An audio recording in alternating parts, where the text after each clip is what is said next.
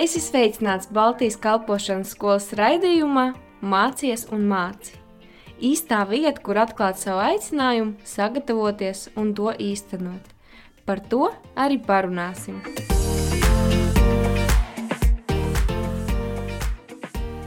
Esiet sveicināti raidījumā Mācies un māci. Ar jums šodien kopā esmu es Santa, un man ir brīnišķīgs viesis, Jālgavas vasarsvētku draudzes mācītājs Marks Ozolinkēvičs, kurš ir arī mūsu skolas pasniedzējs. Sveiks, Mark! Sveiki, sveiki!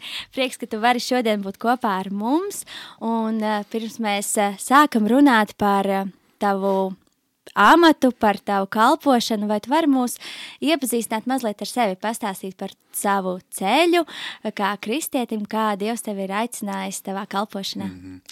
Jā, uh, esmu uzaudzis kristiešu ģimenē, varbūt Markas Ozonkevičs uzvārds ir dzirdēts, arī radio klausītājiem uzvārds dzirdēts, tā kā patiesībā nāk jau no tāda arī mācītāja, paudzes, paudzē, sākot no mana vec, vectēva, bija mācītājs, vectēvs Jānis Ozonkevičs, tēvs Agris Ozonkevičs, un likās, ka man nav izvēles, ka man arī būs jābūt, bet nē, paldies Dievam, ka mans tēvs ar māti jau no sākuma bija nolēmuši, ka viņi mūs neuzspiedīs un pat nemēģinās, teikt, tā virzīt tajā virzienā.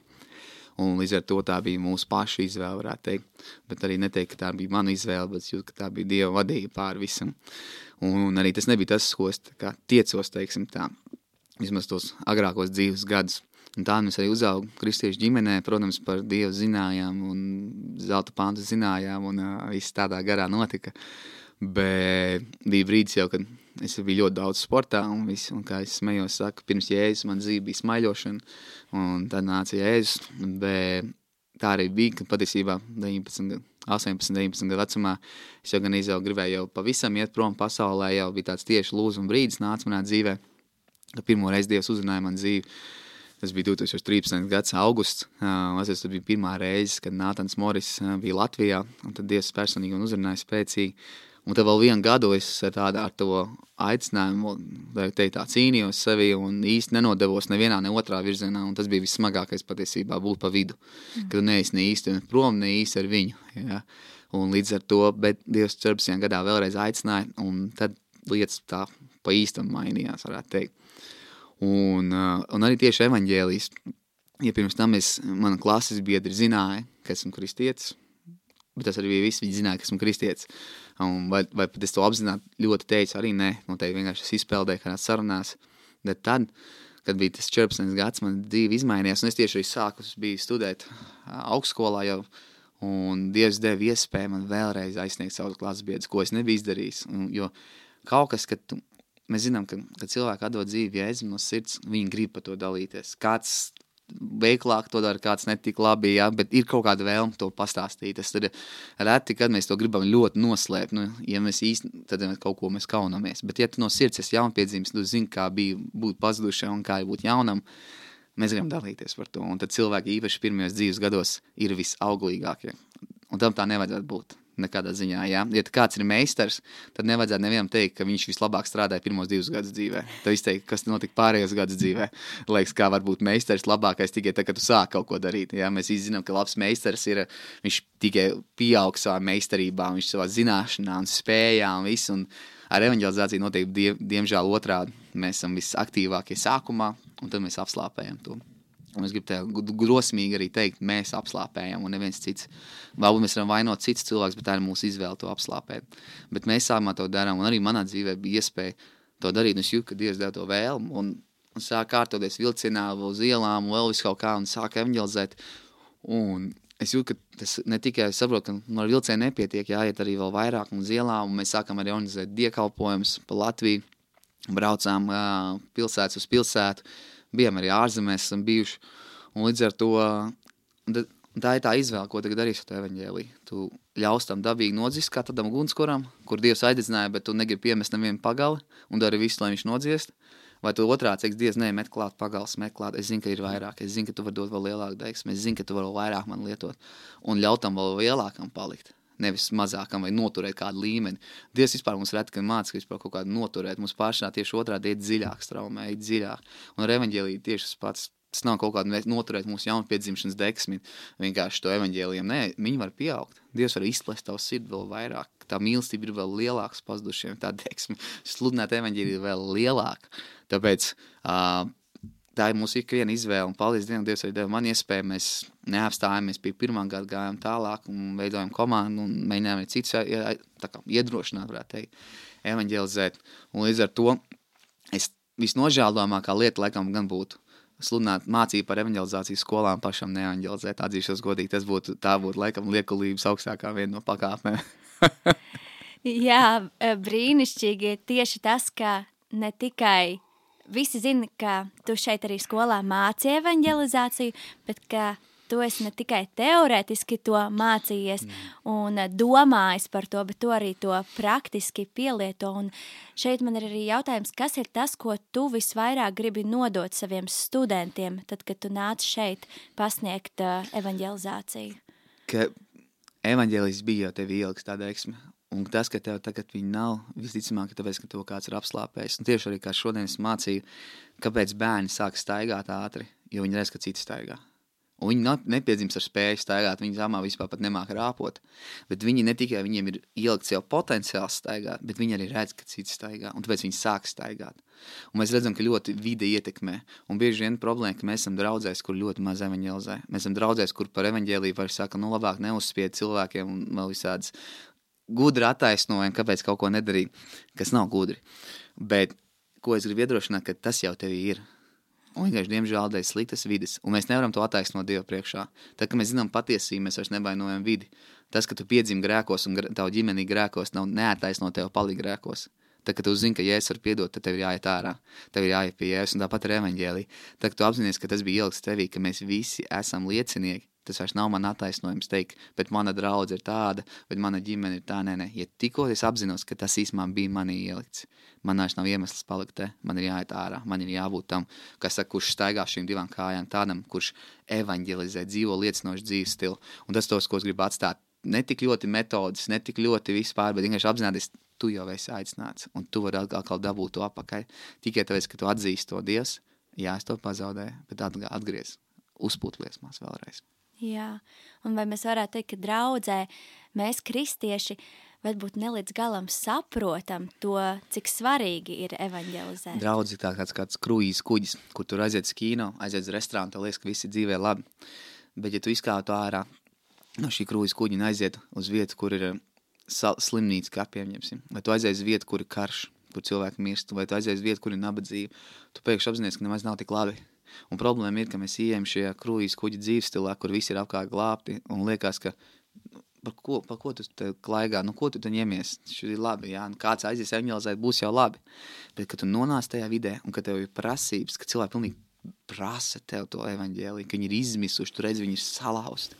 Tu redz, ka viņi nevar būt glābti, viņiem nepalīdzēs tev 5 eiro, viņiem nepalīdzēs tev humanā palīdzība, viņiem vajag jēzu, un ka tu ieliec sevi vidē, kur tu redz, ka cilvēki nekas cits nepalīdzēs kā vienīgi jēzu, tu sāc apzināties, ka evaņģēlijs tur tā nav, varbūt, varbūt nē, nē, man to vajag sludināt, es ielikts šeit par gaismu pasaulē, un, un tu apzināties, cik tas ir vērtīgi, ka tu ieej tumsā ar savu gaismu, cilvēki pilnīgi izmisuši, kas tas ir, kas tas ir. Tad, kad mēs laikam esam ar savām gaismiņām kopā, gaismas konferencēs, jā, un liekas, nu, es varu būt, varu spīdēt, vai nespīdēt, tad tāpat ir gaišs, un tu vairs neizjūti atbildību. Un problēma ir, ka mēs ieliekam sevi šajos kristiešu kruīzes kuģos, kur viss ir skaisti, un mēs vairs neredzam pasaules sāpes. Mums būtu jāiet tur, kur ir pasaules sāpes, kur ir izmisums, lai mēs apzinātos, ka mums, mums ir dots uzdevums ikvienam redzēt to. Un, jā, Jā, un, un ļoti labi, ka tu to pieminēji, jo es ļoti, ļoti gribēju uh, tev pajautāt. Es uh, zinu, ka dažus mēnešus atpakaļ tu izkāpi no kruīzes kuģa un, uh, un tu de, devies misijas braucienā uz Āfriku.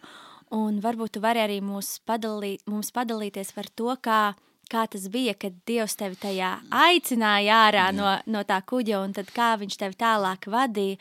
Un, ja tu varētu arī ar kādu liecību, mm. kas tev tagad ir tieši prātā, padalīties, ko tu piedzīvoji Āfrikā. Jā. Uh, kaut es pats mācu par evanģelizāciju, tad tomēr pats arī pats mācījos. Mēs bijām sākumā trīs mēnešus Orlando, Floridā, ASV, kur mēs gluži kā šie studenti sēdējām arī klasē, bet nu, mums neļāva daudz sēdēt. Mums bija jāiet pašiem evanģelizēt zielām, jāpiedalās sestdienas evanģelizācijās, kur mēs kvartālos aicinājām cilvēkus ar, un visādi dažādos veidos to darījām, kā izsniegt evanģēliju cilvēkiem aiznest. Bet līdz ar to tas viss gatavoja mūs, lai mēs vēl brauktu uz trīs nedēļām uz Āfrikas, Ugandu, Kampalu šajā gadījumā, kas ir galvaspilsēta Ugandā. Un tur arī mēs tieši evanģelizējam vairāk tieši par ne centru, bet tieši tādā, veiksim, tā, nabadzīgākiem rajoniem, kur tu redzi šīs sāpes, tad redzi arī šos cilvēku izmisumu un visu pārējo. Un ir, ir brīnišķīgi redzēt, kā Dievs lieto uh, dažādas cilvēkus, kā Dievs maina, kad mēs, mēs saka, ir cilvēki, kuri gāja uz slimnīcu, bet pēkšņi izmainīja ceļu un gāja garām mums, kurš sludināja cilvēku musējiem, un viņam bija, viņš nevarēja strādāt, jo bija, viņam bija slimība, bija ļoti slikta, un līdz ar to, bet viņš dzirdēja evaņģēliju. Viņš teica, ka lūdzu par slimajiem, jo mēs parasti sludinājām evaņģēliju, un tad mēs lūdzām par slimajiem uz ielām. Vienkārši tas būtu tā kā, tu nezini, Rīgā centrāla tirgos, jā, tā vienkārši tur sludini un lūdzu par slimajiem. Un kas notika, cilvēki tika dziedināti, un mēs pat rokas neuzlikām. Tas vienkārši mēs no skatuves pasludinājām, ko Jēzus ir izdarījis krusta, lūdzām par to, un, kā saka, kā rakstīts, dziediniet, jā, tāda, tāda, tāda pavēles veidā lūdzām, un cilvēki, jā, cēla rokas, un, un šajā gadījumā arī šis cilvēks gāja garām, Un viņam bija 14 slimības. Viņam bija oficiāli slimnīca atrasts 14 slimības, un viņš nevarēja strādāt vairāk. Un viņš gāja uz slimnīcu, bet tad viņš dzirdēja šo dziedināšanas vēstu. Viņš jūt, ka kaut kas izmainījies, piedzīvoja, viņš tomēr aizies tomēr slimnīcu pārbaudīt. Viņš nāca atpakaļ ar jaunu papīru, kur vairs nebija neviena slimība. Vis, vis, viņam rādīts, ka visas šīs 14 slimības vairs nav, viņš ir derīgs darbam. Viņam abi papīri, viens ir slimo papīrs, otrs jaunais. Jā, un vienkārši viņš gāja garām. Un, uh, un tas bija vienkārši tirgus laukums, kur mēs vienkārši atbraucām ar viņu Vienreiz reizē mums bija lielāks tums, reizē mums bija mazāka tumba. Uh, vienkārši sludinājām, jā, un tas nekas sarežģīts, un, mēs, un pat nebija īpaša vēsts. Un patiesībā, godīgi sakot, mēs sludinājām, sludinājām visu laiku vienu to pašu, katrs, kuram bija tā runa. Jo uh, Viņš saka, kāpēc jāmaina evaņģēlijs? Ja, ja, kas saka, cirvis ir astu, viņi nemet projām, viņi uzasina, nevis met projām, tā doma ir tāda. Un man bija grūti to salauzt sevi, jo es esmu mācītājs bijis arī, un, uh, piemēram, mācītājs ir tas, kurš katru svētdienu nāk ar jaunu runu. Evaņģēlists, viņš saka, kāpēc, ja cilvēki atgriežas, tev jau nevajag viņus iespaidot ar savu runu, tev vajag, lai cilvēki nāk pie Kristus, un ja tā vēsts ir patiesība, ja tā vēsts ir no Bībeles, ja, un tad mēs arī to redzējām, kā tas bija, kad tu vairs nefokusējies uz to, vai tu atceries savu runu vai nē, jo tu jau esi tik ļoti ielicis savā sirdī. Ja? Tu vienkārši viņu sludini ar ticību, ar pārliecību, vairs nedomā, vai tu, kas bija nākošais, jo tu jau visu zini. Un tad mēs redzējām, kā cilvēki atsaucās, kā viņi skrējas priekšā, ja? kā viņi atdeva dzīves jēdzam, kā, kā no alkohola tika atbrīvot cilvēki, kur gadiem nevarēja tikt brīvi, un viņi pat sapnī, viņiem nāk kārdinājums, vēlreiz viņi jūt, ka sapnī viņš grib ņemt to glāzi Un viņš saprot, nē, viņš netīna zemē, esmu kristietis tagad. Ja? Un, kad mēs to redzam, kā cilvēki mainās, tas pašs dziedināšanas sievietes, kuram izauguma bija uh, pazuda, viņas taustājs nav. Es biju vīrietis, kurš uh, viņam bija muguras problēmas, viņam bija cementu mais tieši amatā ārā no smagā. Un viņš pat nevarēja atnākt priekšā aizlūgt par viņu. Bet mēs lūdzām vienkārši par to rajonu. Un viņš dzird, un es redzu, kā viņš sāk lēkāt priekā. Ja viņš ir dziedināts, viņš jau atnāca, mēs viņu gan dabūjām ārā no tā smagā, lai viņš nāk liecināt, lai citi arī dzird, kā viņš ir lēkāji kustās, viņš ir priecīgs. Mēs sludinājām bandai, kur ir slepkavas arī vairāks, un viņi pēc tam, vismaz visi viņi pacēla rokas un lūdz lūkšanu, un viņi dairā, vairums no viņiem bija baznīcā pēc trim dienām. Vienkārši viņi bija pārsteigti, ka tā visa banda, viņi tur 20 pār cilvēkiem, un mēs domājam, ka viņi tādi, bet beigās izrādās, ka viņi tiešām gan slepkavo un viss, un mēs varējām viņus vienkārši uzrunāt zils tur, kur viņi ir rajons, kā saka, ja, mums tikām iekšā un uh, lika mums pieskatīt kabats, lai mūs tur ātri neapzog un viss tā, bet beigās viņi bija draudzē, jā, un tur tādi skarbākiem ģīmiem sēdēja, bet viņi, jā, viņi lūdza, viņi piedzīvoja Dievu. Un, un tad tu redzi to, ka vai Āfrikā visi vieglāk klausījās? Nē, Jā, tāpat tev bija jācīnās par viņu uzmanību, lai viņi ieklausās. Tas nebija tā, ka viņi nav dzirdējuši kādu cilvēku vai ko. Jā, viņi, viņiem vajag. tu, tu, tu ne, ar tāpēc, ka esmu baltais vai kāds cits, tas neko nepalīdz daudz, teiksim tā. Un arī tajās pašās skolās, kad mēs bijām, mēs evanģelizējām skolās un Dieva gars pieskārās cilvēkiem. Mēs redzējām, kā gan krita svētajā garā, mēs redzējām, kā dēmoni manifestējas skolās, publiskas skolas, jā, tās ir tā valsts skolas, kur vienkārši mūs ļāva, mēs vienkārši aizbraucam skolu, paprasām vai drīkstam runāt 15 minūtes uz bērniem, kā izdarīt pareizi izvēli par to, kam sako, un jā, mēs tam atļauju. Un reizēm tās bija musulmaņu skolas. Jā, ar, ar, tad reizēm mums arī patriots vēsts vidū, kad mēs, viņi sāk dzirdēt, ka vārds jēzus tiek paaugstināts. wow. Tas bija tik interesanti, katru reizi, kad mēs musulmaņu skolā pieminējām to sludini, sludini, jo mēs sākumā runājām to morāli, to veidu, un tad mēs pasakām, kurš to var izdarīt. Un, kad tu piemini vārdu, ja es vienmēr jūtu, ka atmosfēra izmainās. Viņa izmainās. Un tu jūti, un tad mums vienmēr bija uzdevums. Tas, kurš sludina, sludina, bet pārējai komandai runāt ar direktoru un skolotājiem, lai novērstu uzmanību. jo nav variantu. Viņi mums atņem mikrofonu zem ārā. Uh, un vēl kaut kas ir, uh, ir cilvēki, kuriem draudēja ar nāvi, vēl kaut kā. Bet tā doma tāda ir, ka visi strādā kā komanda. Vieglāk nav, neiksim tā, ka nav vieglāk, bet vienkārši to mērķiecīgi strādā, uzticēdamies svētiem garam un turēt rezultātus. Jā, brīnišķīgi ir dzirdēt šīs liecības. Un... Man gribās teikt, ka tur ir vajadzīga arī milzīga drosme, un es nezinu, ko jūs darat ar tām bailēm. Bet tagad, klausoties, es domāju, arī cilvēki, kas tagad dzird radio, domā, mums visiem ir tā deksme, jo mēs zinām, kā tas ir, kad cilvēks saņem šo labu vēstu, jo mēs paši esam saņēmuši. Bet būt tur ar eh, šīm eh, iespējām, ka tevi varbūt tās eh, kāds no bandas dalībniekiem. Mm -hmm Jā. Eh, nodrošinās tavu satikšanos mm. ar Jēzu, vai, eh, vai tieši tā eh, sevi ielikt tajās situācijās. Gribu teikt, cilvēks vienkārši sastingst tādās Jā. baiļu situācijās. Bet kā mēs smējāmies, mums jau ilgi, tie, kas ilgāk to dara, nav tik viegli nomirt nemaz. Jo Dievs ir. Nu, kad Dievam tu esi vajadzīgs, lai darba, kā darbinieks arī. Ne tikai, ja viņš arī debesīs grib tevi kā bērnu, viņš to darīs visu, lai tu būtu kā bērns, bet šeit vēl tu esi zemes, viņš arī tevi sargā. Un reizēm pat tev liekas, mums liekas, o, mēs tūlīt arī iesim pie jēzus, tāda sajūta rodās, ja, tu iebrauc musulmaņu skolā, mums pēc lika atstāt busiņu ārā, ja nu gadījumā ir jābēg, ka mēs varam izskriet ārā un braukt ar busu prom un viņi iedzen busu iekšā un aiztais vārds lielos ciet, tāds dzels liels, ka tu nevari izbraukt ārā. Un tad, tad tev rodās tāds maziņš, sas, jau sāk justies pulss ceļās, un cilvēks cits, cits jau skatās, kur uz žogla vietas skries pāri, lai, ja nu gadījumā. Un, protams, mums beigās apcirpa vēst un viss, bet, un paldies, ne, kā saka, viss tikā mēr, bet, nu, mums vienkārši tieši izstāst to procedūru, ka nedrīkst busu braukt iekšā, ja nu gadījumā aiztais, un tieši viss notiek tā, kā nedrīkst, un tad likās, nu jā. Bet tā būtīgi, tu zini, ka pāri visam, ka vienā brīdī tev jau paliek ne jau vienalga, teiksim tā, bet tu, kā lai saka, mēs, mēs reizēm pat pierodam reizēm pierod pie sliktām, bet arī pierod pie briesmām vienā brīdī. Un, kad tu esi pieredzējis, cik bieži būt briesmās, un tu bieži redzēji, kā Dievs tev izved cauri, tu sāc vēl vairāk uzticēties viņam. Tu vēl vairāk sāc vienkārši uzticēties viņam. Un, jā, ja tev pat ir jābeidz, tu beidz dzīvot, bet tajā pašā brīdī tu zini, ka Dievs ir līdz tavu aicinājumu, tev ir līdz darbu, tev ir līdz, kas ir jāpaspēj, un tu zini, ka neviens to neatņems tev. Ja tu ej ar Dievu, neviens to neatņems. Vienalga, kas tev pretī stāv. Jā, un, un tu pēkšņi iegūsi vēl tādu lielāku brīvību.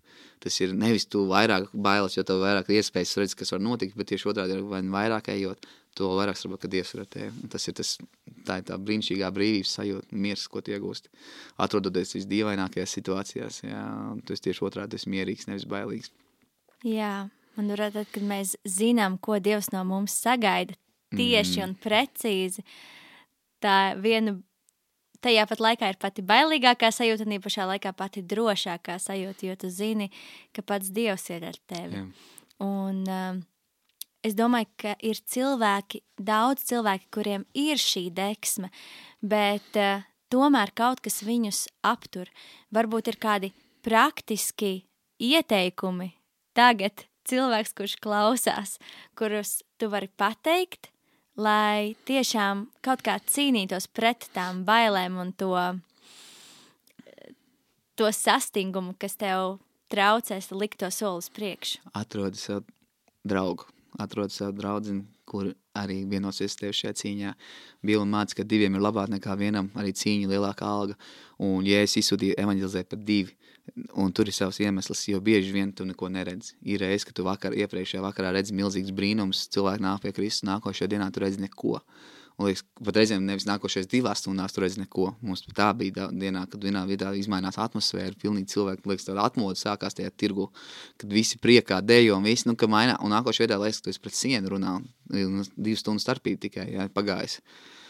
Bet, kad tu esi kopā, tas tev iedrošina, arī tad, kad tev ir bailes, un tu esi kopā, šis, šī uzticības persona, teiksim, tā, kuru tev arī atkal atgādināt, kā mēs vienojāmies, ka mēs iesim uz priekšu abi šajā ceļā. Un varbūt viņš pat nav tas, kurš ies, bet viņš būs tas, kurš būs tev blakus un atprasīs un teiks tā, vai tev izdevās, vai es tev varu palīdzēt, mēs varam lūk kopā par to. Atrod cilvēku, ka es ticu, ka, ja tev draudzē nav neviens, ar ko tur vienoties, tad maini draudz uzreiz, jo tā nav draudz. Ja tev nav draudzē kaut viens cilvēks, kurš ir gatavs pat ar tevi vienkārši sāk lūgt Dievu par to, sāk vienkārši ticēt par to, tad tā nav, tā nav dzīve draudz, viennozīmīgi tev pateikšu uzreiz to. Bet, ja tu ir draudzēs, tic, ka vismaz viens cilvēks atrod šo kopējo cilvēku, un, protams, var teikt, vai man tiešām jāiz reiz uz ielām, nē, Vari iet pie, savu, uh, pie saviem vecākiem, vai tu ej pie saviem uh, kolēģiem, vai tu vienkārši uzaicini pie sevis ciemos. Tā ir visdrošākā vieta. Uzaicini pie sevis ciemos, runā un beigās, vai vidū, vai sākumā, nav svarīgi. Padalies to, kāpēc tu tici Jēzum. Un paprasti varbūt viņiem, kāpēc viņš netic. Vienkārši. Un tas liekas, vai tas ir labākais, ne, bet tas ir sākums. Ja? Un, un tu pats pamanīsi, ka nav, nav tik bīstami runāt par Jēzu ar cilvēkiem. Nav nemaz tik bailīgi runāt, ja? Un tu vienkārši vari sāc ar jautājumu, varbūt kādam paprasīt, kāpēc tu netici, un viss. Un, un tad jau es ticu, ka Dievs tev to evanģelizāciju darīs vēl precīzāk un specifiskāk. Bet tev jau nav, ja, ja tev bail vienkārši pat sākt runāt par Jēzu, vienkārši uzdot jautājumu cilvēkiem, kāpēc viņi netic. Un, liekas, un tad tu vienkārši patāci, kāpēc tu tici. Ja, kāpēc es tam ticu? Un, liekas, un tu jau vietā, ka tu sāki stāstīt, kāpēc es ticu, Un viņš var teikt, kāpēc viņš, tu jau, var, tu jau nesiekšā evaņģēlī. Es ticu, jo Dievs man izmainīja. Es ticu, jo Jēzus ir patiesība. Es ticu, jo viņš tas. Un, tā, un, un, un tur viss evaņģēlis iekšā būs. Es, yeah. es ceru. kā, uh, un tas ir ļoti vienkārši. Ja? Mm. Un tas uh, to, un labāk sāc ar kaut ko, nekā meklēt perfekto, ar ko sākt. Ja? Jo yeah. tie, kas sāk darīt, Dievs, viņus daudz vieglāk ir virzīt Ja? Kā tev, viegl, kad tev vieglāk mašīnai stūri pagriezt, kad viņi stāv uz vietas vai kad viņi ir kustībā? Kad viņi ir kustībā, tu viņu var sākt piegriezt kā vajag. Tā kā mašīna stāv uz vietas, pamēģini pagriezt savu mašīnu pa 180 grādiem, mašīna, kas stāv uz vietas. Tev vajag daudz cilvēku, lai paceltu un sagrieztu viņu riņķī. Kad mašīna brauc, tu vienkārši griez riņķī. Jā, un tāpat ar mums, pat ja tu sāc ne īstajā virzienā kādreiz, liekas, nu, Mark, tu tur uguni tikai sūtīji, ja tikai sodu visiem, Eli biedēji. Es, mūsu skolā bija ļoti daudz, kas tā sāka evanģelizēt, tikai ar Eli. Man liekas, nu jā, bet viņi bija gatavi mainīties. Un tas bija tas labākais. Viņi nesāka perfekti. Viņi bija varbūt tie, no kuriem bēga daudz, bet viņi darīja, un līdz ar to viņi bija arī atvērti mainīties. Un tas ir skaistākais. Jā, dažreiz mums liekas, ka ir tikai viens evanģelizācijas veids, bet mm. patiesībā ir tik daudz dažādi veidi. Jā. Un tev liekas, varbūt tās, nu es nekad nevarētu iedomāties sevi pie mikrofona uz skatuves, bet nav jau tā, ka tikai Nē, tā ir evanģelizācija. No visiem, kas evanģelizē, tas ir ļoti maz procents, kas ar, evaņ, ar mikrofonu to dara. Un tas ir maz procents, ko nevis dara, bet ko Dievs vispār aicina darīt. Jā. Tā ir miesa, ikdiena mūsu, kas liek jēzu un arī varbūt tādas nepatiesas iedomas par to, ka man ir jāatrod efektīgākais veids, kā, kad es mm. uzzināšu, kāds ir efektīgākais Jā. veids, tad es uh, iešu ir, un to darīšu. Tagad daudz puiši, kas ir, nu, jau pēdējos gadus visi, kas trenējas svarzālē, tur tāds, kad papras, kā viņi sāk trenēt, saka, mēs biju ļoti nepareizi sākumā. Viņi darīja ļoti nepareizi, bet skaties, tu tā uztrenējies. Nu jā, bet es mainīju, es sapratu, kur bija manas kļūdas. Tu nevari saprast kļūdas, kamēr tu nedari. Jā, ir ļoti, nu, tev ir jāsāk darīt, jā, un jā, mēs ļoti baidamies no krišanas, kaunā krišanas un vēl vis kaut kādām lietām, bet tas ir jāliek malā. Esi gatavs krist, esi gatavs kļūdīties. Mēs zinām, ka reizēm mēs esam šajā perfektā kristietība, ka liekas, es vairs nekad neko nepareizi neizdarīšu. Es runāju par grēkā krišanu. Es runāju par to, ka tu vienkārši varbūt nepareizi uzsvaru uzliki vai ko, ja? Un tas nav viennozīmīgi grēks, bet vienkārši nebaidies kļūdīties. Jo reizēm mēs esam tik ļoti gribam būt labi un pareizi, ka mēs tagad nevaram atļauties darīt kaut ko, kas, kur mēs neko nemākam. Jo tad, ja mēs taču kritīsim un kļūdīsimies, un nesanāks, mums vēl aprunās kāds. Nu, mazāk domā, ko cilvēki par tevi runā, vairāk domā par to, ko Dievs par tevi saka. Un tev daudz labāk ies un vieglāk ies.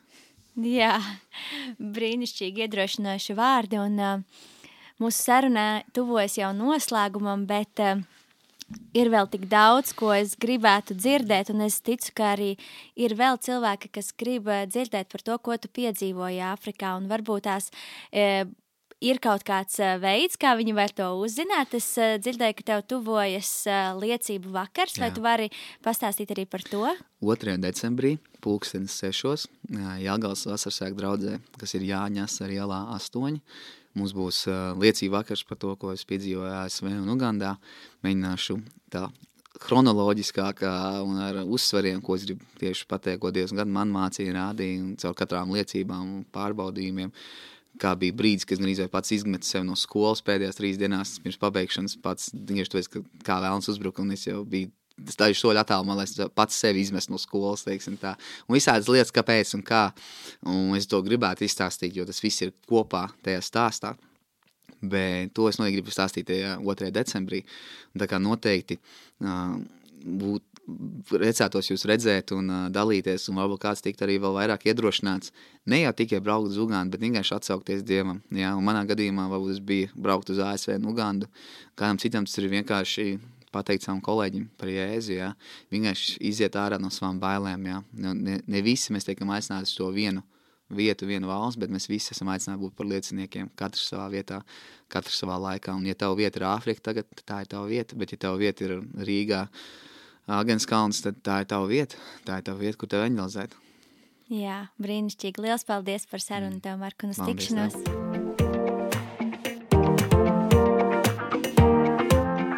Tu klausījies Baltijas kalpošanas skolas raidījumā Mācies un māci.